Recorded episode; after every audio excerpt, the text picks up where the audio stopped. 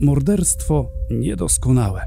Opowiadamy o zbrodniach, które po latach wciąż budzą emocje. Zapraszam, Tomasz Ławnicki. Po dziś dzień wiele osób nie wierzy w oficjalną wersję wydarzeń. Choć od zabójstwa Eugeniusza Wróbla minęła już niemal dekada, nadal są tacy, którzy snują teorie spiskowe. I w sumie trudno się dziwić. Bądź co bądź, nie co dzień ginie były wiceminister, były wicewojewoda, człowiek w swoim regionie doskonale znany, szanowany, zasłużony. A do tego jego śmierć nastąpiła w takim momencie, że aż dziwne by było, gdyby teorie spiskowe się nie pojawiły. Nie ma bowiem wątpliwości, że gdyby Eugeniusz Wróbel żył, byłby zaangażowany w kwestię wyjaśniania przyczyn katastrofy smoleńskiej, a jego głos byłby tym, z którym liderzy PiS musieliby się liczyć. Polityk ten bowiem był bodaj jedynym lub jednym z niewielu znanych działaczy Prawa i Sprawiedliwości, którzy na lotnictwie znali się naprawdę. O nim faktycznie można by było mówić, że jest w tej dziedzinie ekspertem. 15 października 2010 roku. Rybnik. Tego dnia Eugeniusz Wróbel zaginął. Mówię zaginął, bowiem początkowo takie było przekonanie rodziny. Tak mówiła żona oraz jego dwie córki, że ktoś go porwał prosto z domu. Ta informacja rozeszła się lotem błyskawicy. 59-letni Eugeniusz Wróbel nie był może postacią pierwszoplanową w polityce krajowej, jednak na Śląsku był bardzo rozpoznawalny zarówno jako wicewojewoda katowicki w latach 1990-95, jak i potem jako wiceminister transportu w pierwszym rządzie PiS w latach 2005-2007. To z jego inicjatywy w kwietniu 2007 roku została powołana Państwowa Agencja Żeglugi Powietrznej. On także stał za powołaniem Górnośląskiego Towarzystwa Lotniczego, które pod jego nadzorem doprowadziło do uruchomienia i rozbudowy Międzynarodowego Portu Lotniczego Katowice w Pyrzowicach. Miał tytuł doktora nauk technicznych i był adiunktem w Zakładzie Mikroinformatyki i Teorii Automatów Cyfrowych na Politechnice Śląskiej. Jego zainteresowania badawcze to zagadnienia z zakresu utrzymania i rozwoju lotnisk oraz kompetencji służb zarządzających ruchem lotniczym. Przez wiele lat jako ekspert Sejmowej Komisji Transportu i Łączności oraz doradca kolejnych ministrów transportu i gospodarki morskiej uczestniczył m.in. w opracowaniu projektu prawa lotniczego. I to nie koniec. W lokalnym środowisku był też bardzo znany z działalności społecznej w harcerstwie. Wspomina Jacek Bombor, dziennikarz Dziennika Zachodniego z Rybnika. W samym Rybniku był bardzo dobrze znany. To był człowiek, który od lat, od zawsze był związany z harcerstwem mm, rybnickim. Nazywano go nawet ojcem, założycielem szóstej harcerskiej drużyny żeglarskiej. To jest bardzo znana i popularna drużyna. Za jego czasów była nawet najlepsza w Polsce. Wystarczy powiedzieć, że do dzisiaj jej byli członkowie organizują dalekomorskie ekstremalne wyprawy. A więc to był e, człowiek mocno znany i kojarzony mm -hmm. w Rybniku wokół Zalewu Rybnickiego. Środowisko, które przetworzyło, współtworzyło ówczesną stanicę. Jako ale taki też, działacz społeczny. To działacz społeczny, tak, ale też na Śląsku to jednak była znana postać e, i to mocno znana. Przecież wicewojewoda katowicki od 1990 roku już wtedy zajmował się sprawami transportu, komunikacją, do dzisiaj mu się przecież e, pamięta to, że, że to on był współzałożycielem Górnośląskiego Towarzystwa Lotniczego.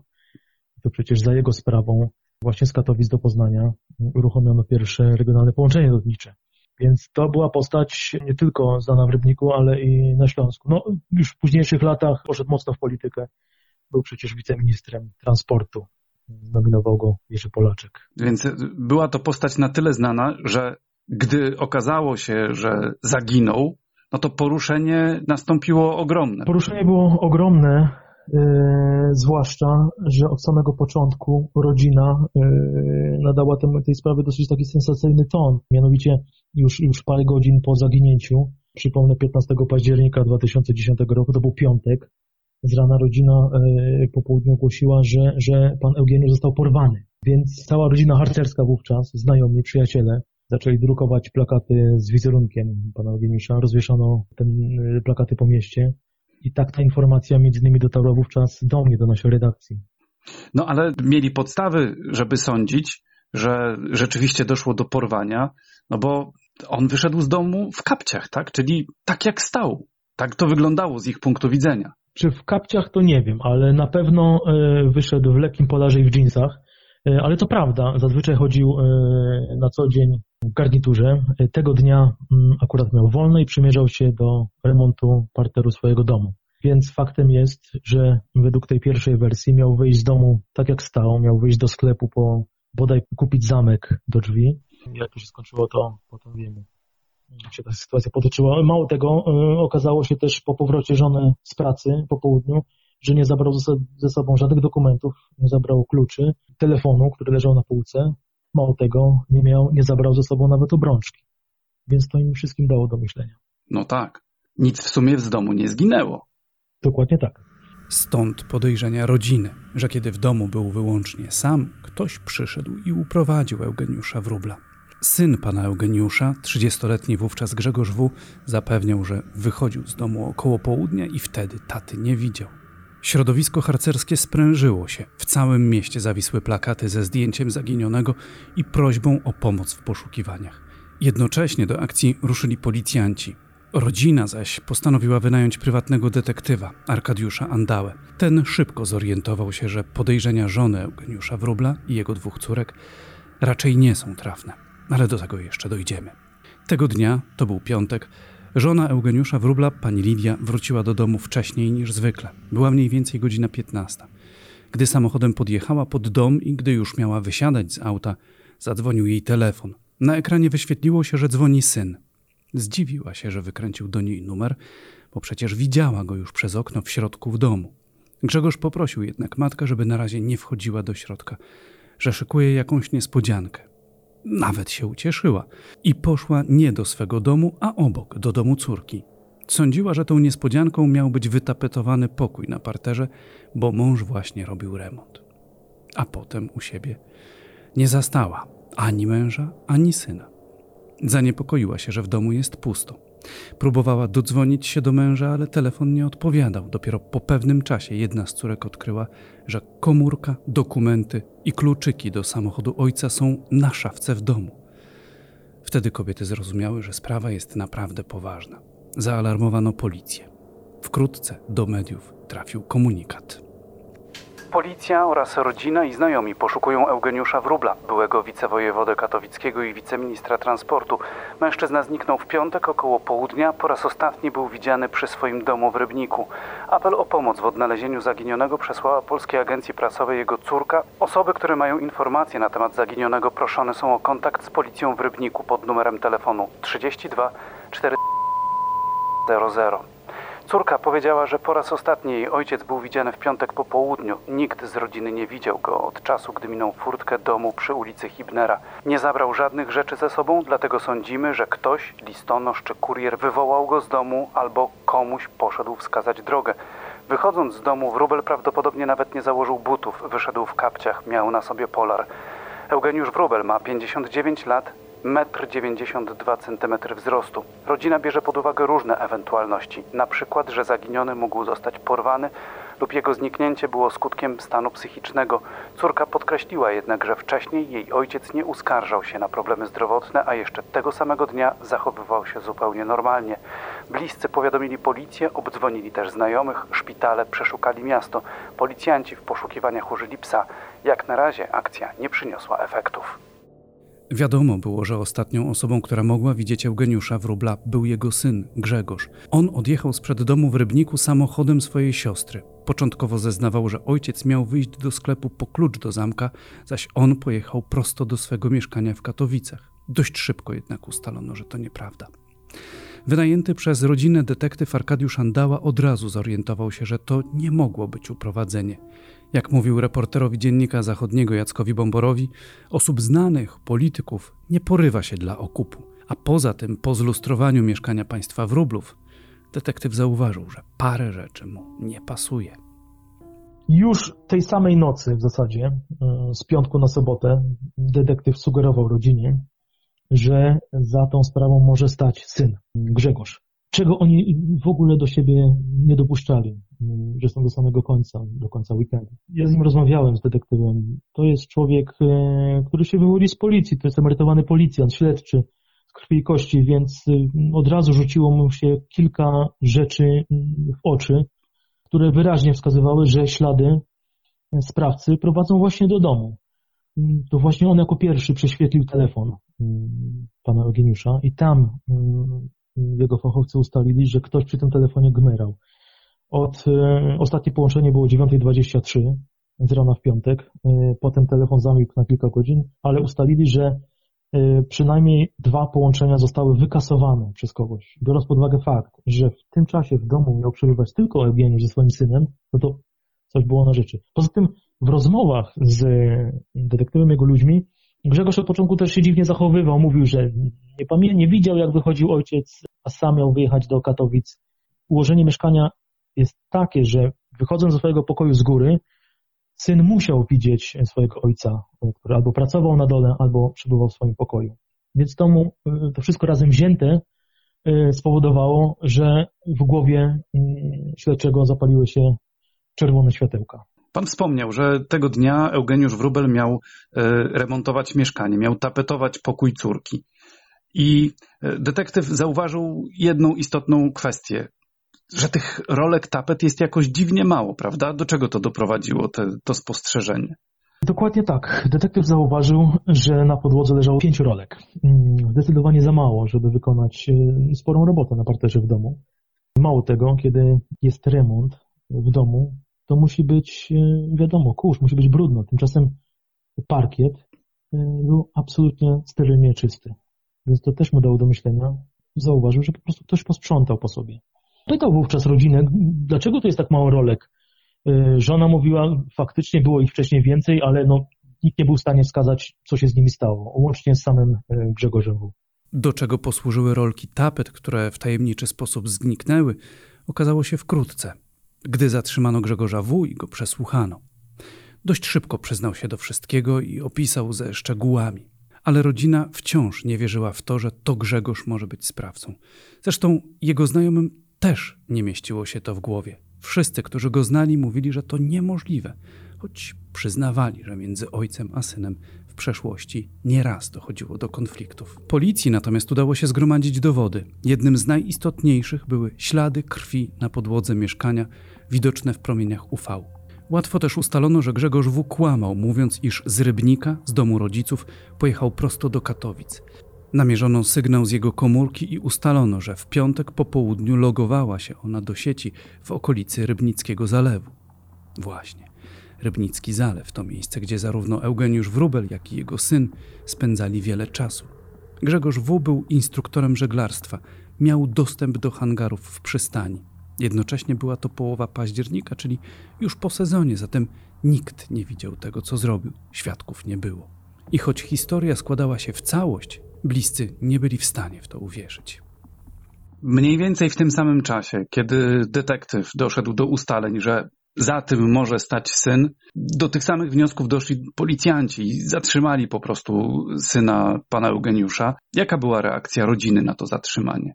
Myśmy rozmawiali wówczas, e, powiem panu, jeszcze pół godziny w zasadzie przed aresztowaniem Grzegorza W., e, ale już w czasie, kiedy był przesłuchiwany w prokuraturze z jego siostrą. Y, do samego końca ani ona, ani przyjaciele, ani matka nie wierzyły w tą wersję, że on może mieć cokolwiek wspólnego. Ja pamiętam mm, rozmowę z siostrą, która mówiła, że Grzegorz tylko i wyłącznie jest przysłuchiwany w prokuraturze, że jako ostatni widział ojca i może jak najwięcej mm, powiedzieć mm, policjantom. Myśmy zapytali ją wprost, czy nie sądzi, że, że, że jej brat może mieć coś z tą zbrodnią wspólnego. Stwierdziła, że absolutnie nie ma takiej możliwości, że nie ma takiej opcji. To rodzina. Rodzina, nic dziwnego, że jej się to w głowie nie mieściło. A co mówili znajomi Grzegorza W? Oni no, no znali go na tyle dobrze, że no, też mogliby wiedzieć, czy jest skłonny do tego, żeby kogoś zabić. Oczywiście nikt z, ze znajomych, rozmawialiśmy i z kolegami ze studiów jego, i z kolegami z dawnego liceum, e, bardzo znanego w Rybniku, imienia Frycza Modrzewskiego, które kończył. I oczywiście nikt, nikt od samego początku nie był w stanie uwierzyć, że Grzegorz, y, osoba introwertyczna, cicha, spokojna na co dzień, mogłaby się dopuścić do tak straszliwej y, zbrodni. Typ zamknięty w sobie, mizerak, Zarzucano mu nawet, że, że nie imprezuje, nie lubi używek. Jedynie to, co go interesowało, to w weekend uwielbiał żagle albo wjechać w góry i oczywiście harcerstwo. No bo właśnie, podzielał te same pasje co ojciec. Dokładnie tak. Dość powiedzieć, że nawet na studiach też za bardzo nie imprezował, nawet nie pił alkoholu na obronie pracy. Mówił wówczas kolegom, że, że nie chce, żeby ojciec przyłapał go na piciu. To też pokazuje, że relacje na linii ojciec-syn no nie były najlepsze. Bał się ojca? Trudno powiedzieć, czy się go bał, ale na pewno wobec niego ojciec był bardzo stanowczy i chciał go wychować na porządnego człowieka, jak to się mówi, więc stawiał mu zawsze wysoko wymagania. Z drugiej strony bardzo go wspierał. Kupił mieszkanie, samochód, wspierał finansowo jego podróże, Indie, Stany Zjednoczone, gdzie przez jakiś czas pomieszkiwał. Ale na pewno znajomi mi wówczas mówili, że pomiędzy panami dochodziło do ostrych spięć, konfliktów. I tak musiało być w tej sytuacji. Prokuratura oficjalnie potwierdzała, że motywem zbrodni mogły być pieniądze. Syn był informatykiem, pracował w banku, jednak rok wcześniej został zwolniony. Najpewniej Grzegorz W. domagał się kolejnego wsparcia finansowego, ojciec zaś odmówił. Wtedy trzydziestolatek chwycił za nóż i zadał kilka ciosów. To było zabójstwo w afekcie, nieplanowane. Syn w popłochu zacierał ślady zbrodni. Ojciec był rosłym mężczyzną. To dlatego Grzegorz W. zdecydował się ciało zamordowanego poćwiartować piłą do cięcia drewna. Szczątki ofiary zawinął w tapety, których w domu było dużo pod ręką. W ten sposób przygotowane fragmenty zwłok przeniósł do samochodu siostry, pojechał nad Zalew Rybnicki, wziął łódź i odbił od brzegu. Wypłynął dość daleko. Szczątki ojca wrzucił do wody. Grzegorz W. został zatrzymany no, dość szybko, następnego dnia po zaginięciu ojca. Jakie były jego pierwsze słowa, co mówił policjantom? Od samego początku przyznał się policjantom, to fakt. I bardzo szczegółowo opowiedział o tej y, zbrodni. Bez jakichś szczególnych emocji o tym opowiadał, z tego co usłyszałem od śledczych wówczas. Opowiedział, że nawet nie wie dlaczego, dźgnął ojca najpierw nożem, potem widząc krew, widząc ciało, widząc, że ojciec nie oddycha, postanowił poćwiartować jego ciało piłą mechaniczną w piwnicy. Później zapakował szczątki w rolki tapet i wywiózł nad Zalew Rybnicki, wsiadł na łódź i wrzucił je do wody. Tak wyglądały jego pierwsze zeznania. Nie jest pewne i nie mam wiedzy co do, co do motywu działania, bo były tam przynajmniej dwie wersje, że panowie pokłócili się o kolejny wyjazd do Stanów Zjednoczonych, którego rzekomo pan Eugeniusz nie chciał finansować synowi. Druga wersja była taka, że chciał pieniądze na nowy samochód, bo stary sprzedał i też e, ojciec się na to nie godził. Dzięki temu, że powiedział, gdzie te zwłoki trafiły, do działań przystąpili płetwonurkowie, no i okazało się, że faktycznie tak, to prawda, co powiedział na przesłuchaniu. Dokładnie tak, już w pierwszym tygodniu do pracy wezwano płetwonurków śląskich. Pamiętam to dokładnie, bo jako dziennikarze mogliśmy wtedy wejść na brzeg Zalewu Rybnickiego, otoczony wówczas taśmami policyjnymi i obserwować pracę płetwonurków. W pierwszym tygodniu znaleziono co najmniej kilka kawałków tułowia kończyn pana Eugeniusza. Bo to ciało zostało no, rozczłonkowane na wiele części. Tak jest, dokładnie. To też informacja niesprawdzona, ale yy, bo nie dało się jej zweryfikować, ale podobno do dnia dzisiejszego nie udało odnaleźć się głowy Eugeniusza Grubla. Próbowano nawet wówczas na etapie śledztwa ustalić, czy być może nie porzucił je gdzieś w innym miejscu, bo w okolicy są jeszcze dwa zalewy, mniejsze akweny wodne. Po tym przesłuchaniu właściwie wszystko stało się jasne, wszystko zostało potwierdzone, tym bardziej, że odnaleziono zwłoki. Ale kiedy doszło do decydowania o tymczasowym aresztowaniu w sądzie, Grzegorz W. swoje wyjaśnienia odwołał. To miało jakiś wpływ na to, jak dalej przebiegało postępowanie? Generalnie nie miało to wpływu. E, odwołał je już e, na posiedzeniu, z tego co pamiętam, aresztowym w sądzie. Mm, z tym, że mm, jak mówili wówczas śledczy, tak naprawdę kiedy wezwano go na przesłuchanie, to oni mieli już wszystkie asy w rękawie. Cała ta historia ułożyła już im się wcześniej w całość. Krótko mówiąc, po prześwietleniu promieniami UV znaleziono ślady krwi w mieszkaniu, e, ślady w samochodzie, mm, ślady w łódce, więc oni mieli już tą historię poukładaną. Cała opowieść później Grzegorza W., kiedy się przyznał, po prostu tylko im się zazębiła, ich wcześniejszą wersję. Więc e, jeśli nawet on to odwołał w sądzie, to sąd już nie dał mu wiary, ponieważ tam wszystko dowodowo i procesowo się, krótko mówiąc, zgadzało. Przyjęto wówczas pierwszą wersję Andały, że doszło do klasycznej zbrodni w afekcie. Po prostu panowie ostro o coś się pokłócili i nagle bum, y, stało się. Nóż, krew, ciało, osoba nieprzygotowana, która dokonuje takiej zbrodni, nie wie co ze sobą począć. Działa w szoku, popełnia błędy, no on wówczas te błędy popełniał, a więc, a więc widzi ciało, nie potrafi go podnieść, jak mówię, był typem mizeraka, więc postanowił je rozczłonkować. Nie miał już co zapakować, potem były tapety. Miał klucze ze stanicy, bo przecież tam był instruktorem, więc tam nad zalewem czuł się jak u siebie. Miał dostęp do łódki, nie miał z tym żadnego problemu. Więc wywiózł i wyrzucił. Potem przez wiele dni płetwonurkowie z zalewu wyławiali kolejne fragmenty ciała zamordowanego, co media w całym kraju relacjonowały na bieżąco. Zresztą niektóre szczątki woda wyrzucała sama jeszcze długo. Fragment nogi znaleziono na brzegu zalewu w okolicach sklepu Biedronka nawet tydzień po pogrzebie Eugeniusza Wróbla. Pogrzeb byłego wiceministra transportu odbył się ponad miesiąc po zabójstwie 16 listopada 2010 roku. W uroczystościach uczestniczyły setki osób, władze wojewódzkie i samorządowe, przedstawiciele Politechniki Śląskiej i harcerstwa. Poseł Jerzy Polaczek tak ze wzruszeniem wspominał Eugeniusza Wróbla. Żeby uświadomić sobie, jakiego człowieka dzisiaj tutaj wspólnie żegnamy, chcę stwierdzić bardzo krótko, ale i bardzo dobitnie, z całą mocą. Żegnamy najbardziej kompetentnego urzędnika administracji rządowej w sprawach lotniczych, jakiego niepodległa Polska przez ostatnie 20 lat miała i który bardzo dobrze jej służył. Na podstawie Twoich prekursorskich pomysłów sprzed prawie 20 lat, które zainicjowało powstanie Górnośląskiego Towarzystwa Lotniczego, czerpano wzory dla rozwoju lotnisk cywilnych w całym kraju. Byłeś na Śląsku cenionym przez wszystkich wicewojewodą katowickim. Doradzałeś następnie kolejnym ministrom transportu. Nieustannie budowałeś swoje kompetencje i ostatecznie służyłeś Polsce jako wiceminister transportu i mój ceniony zastępca. Byłeś przenikliwy i dociekliwy w swoich analizach ryzyka, wyzwań, zadań, które dostrzegałeś znacznie wcześniej niż inni.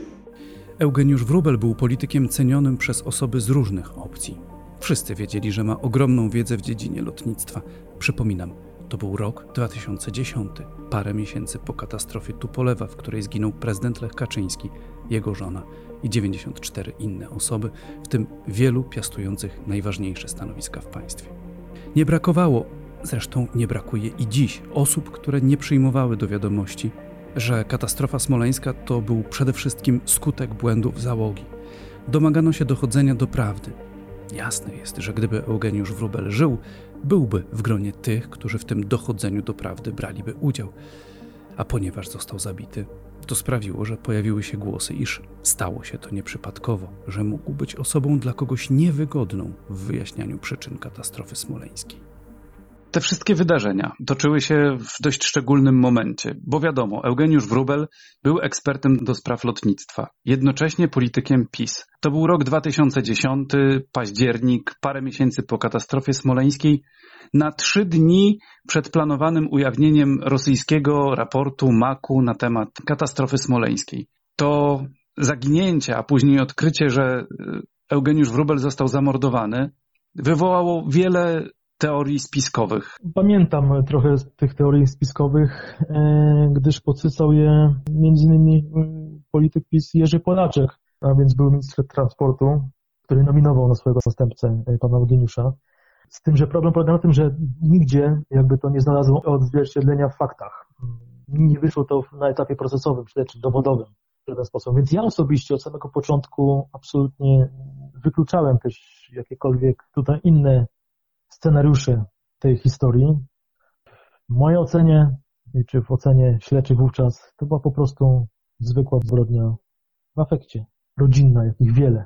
Jerzy Polaczek po prostu doskonale znał też samego Eugeniusza Wróbla i jego rodzinę. Być może dlatego tak trudno mu było w to uwierzyć. Nie on jedyny y, nie wierzył w to. Z drugiej strony, owszem, trzeba powiedzieć, że pan Eugeniusz Wróbel to był fachowiec właśnie od lotnictwa.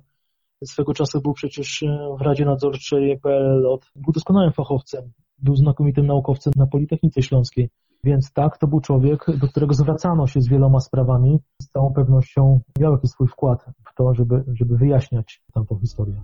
Podawane przez prokuraturę okoliczności śmierci Eugeniusza Wróbla podważano m.in. na łamach naszego dziennika.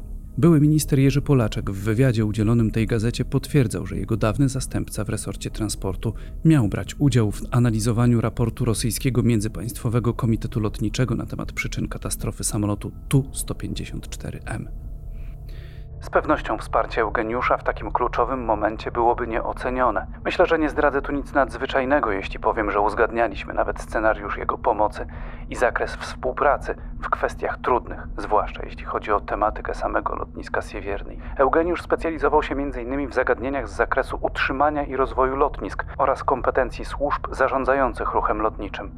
Pod tym względem w Polsce takich osób z tak dużym doświadczeniem zawodowym, ale i państwowym jest niewiele.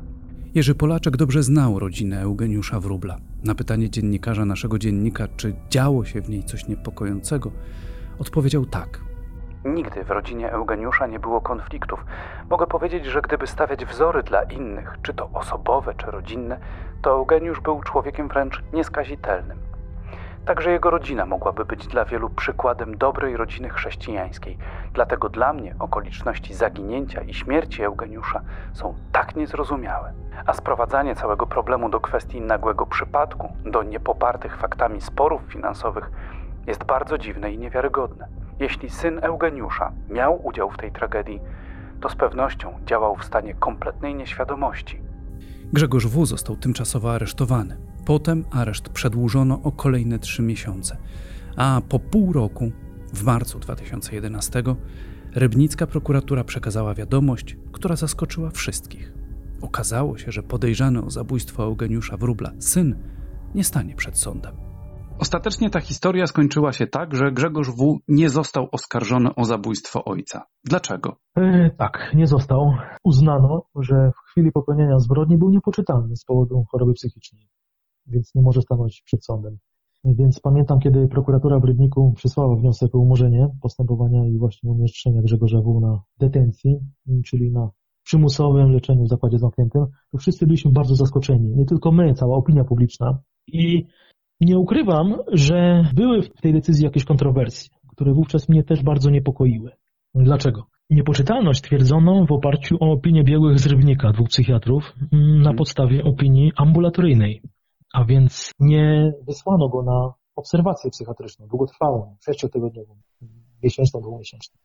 I rozmawiałem wówczas z karnistami, rozmawiałem nawet z jednym też z biegłych mm, psychiatrów mm, z Rybnika, którzy powiedzieli, że no, lekarz stwierdził, że nie odważyłby się podjąć takiej decyzji na podstawie właśnie ambulatoryjnego badania. No, pikanterii całej sprawie dodawało fakt, że żona Eugeniusza Wróbla była wówczas szefową lokalnej instytucji pedagogiczno-psychologicznej. No to też dawało jakiś kontekst tej sytuacji. W lokalnych portalach pojawiła się cała lawina komentarzy, możliwe, że krzywdzących dla rodziny. Mieszkańcy przypominali, że żona zamordowanego to wieloletnia dyrektor poradni psychologiczno-pedagogicznej w Rybniku. Dopytywano, dlaczego podejrzanego badali wyłącznie psychiatrzy z Rybnika, a nie z innych miast. Prokuratura argumentowała, że nie było takiej potrzeby i przypominała, że z poradnią, którą kierowała żona Eugeniusza Wróbla, współpracują nie psychiatrzy, lecz psycholodzy. Według opinii biegłych Grzegorz W. jest całkowicie niepoczytalny, dlatego nie może podlegać odpowiedzialności karnej. Jego znajomi przyznawali zaś, że nie zauważyli, aby miał jakieś problemy psychiczne, a na pewno nie był leczony psychiatrycznie. To zaś jeszcze bardziej wzmogło spekulacje. Prokuratura jednak od samego początku uznała, że, że nie trzeba wysyłać na obserwację i pokazywać go innym psychiatrom, że to w zupełności wystarczy. Z tego co pamiętam, strony postępowań też nie wniosły żadnych zażaleń, więc stało się jak się stało. Mm, bodaj mm, pół roku później sąd orzekł detencję mm, dla Grzegorza W. i trafił do ośrodka w Branicach. To jest dość szczególny ośrodek, prawda? Regionalny Ośrodek Psychiatrii Sądowej w Branicach to jest taki ośrodek, w którym y, osoby tam przebywające są objęte no, takim wysokim stopniem nadzoru. Najwyższym w kraju stopniem nadzoru. To zakład, y, można powiedzieć, y, szpital, więzienie, więzienie, szpital. Dwuosobowe cele, pokoje, kraty w oknach, nadzór 24 godziny monitoringu, nie ma mowy o żadnych przepustkach, e, spacerniak jak w normalnym więzieniu. Odwiedziny bardzo szczegółowo sprawdzane, osoby, które wchodziły odwiedzać Grzegorza W. Także musiały być przeszukane, takie są procedury w tym miejscu. Także samo spotkanie jest nadzorowane, jest obserwowane. Procedury są takie, proszę mnie poprawić, że co pół roku ta decyzja musi być przez sąd odnawiana, że Grzegorz W. E, ma przebywać właśnie w tym ośrodku, prawda? Tak, dokładnie tak wygląda ta sprawa i tak też się dzieje w tym przypadku. Zadałem sobie trud i zapytałem e, w sądzie okręgowym w Opolu, czy Grzegorz W. nadal przebywa na detencji, gdyż średnio taka detencja trwa 3-4 lata. Okazuje się, że cały czas od 2011 roku do chwili obecnej stosowany jest wobec niego środek zabezpieczający w postaci umieszczenia w zamkniętym zakładzie psychiatrycznym, z tym, że obecnie, mm, jak sądzę, jest e, w miejscu o nieco mniejszym nadzorze, specjalistycznym szpitalu imienia księdza biskupa Natana w Branicach. To jest ośrodek sąsiadujący z ośrodkiem psychiatrii sądowej. Ale już nie tak rygorystyczny. Tak, tak, tak. E, wiem też, że e, na dzień dzisiejszy jego lekarze oceniają Grzegorzowu, że jego stan jest stabilny. Na jednym z portali blogerskich wciąż dostępny jest taki tekst. I tak sprawa zabójstwa Eugeniusza Wróbla została zamieciona pod dywan, a jego syn Grzegorz, obwołany oficjalnie zabójcą, resztę życia spędzi w psychiatrycznym zakładzie zamkniętym. Okoliczności zbrodni bowiem wskazują, że została ona dokonana przez zawodowego zabójcę lub grupę zabójców, na przykład przez komando likwidacyjne polskich lub rosyjskich służb specjalnych. A wersja o wyrodnym, opętanym synu ma jedynie przykryć prawdziwe motywy mordu i uciąć ewentualne spekulacje o tajemniczym zaginięciu byłego ministra i mocodawcach uprowadzenia, a następnie zamordowania. Między bajki należy więc włożyć oficjalną wersję wydarzeń, według której syn się pokłócił z ojcem o pieniądze, po czym w przepływie szału zadał ojcu cios nożem, ciało poćwiartował piłą łańcuchową, zawinął je w tapetę i zatopił w Zalewie Rybnickim. Przy tym był na tyle nieostrożny, że jego komórka została namierzona przez jedną ze stacji bazowych. Mamy tu niewątpliwie do czynienia z dezinformacją ze strony organów ścigania. To fragment tekstu z 2011 roku, ale po komentarzach w sieci można się zorientować, że wciąż wiele osób nie jest w stanie uwierzyć w oficjalną wersję wydarzeń, że ta wyjątkowa tragedia dla najbliższych Eugeniusza Wróbla jest tragedią co najmniej podwójną.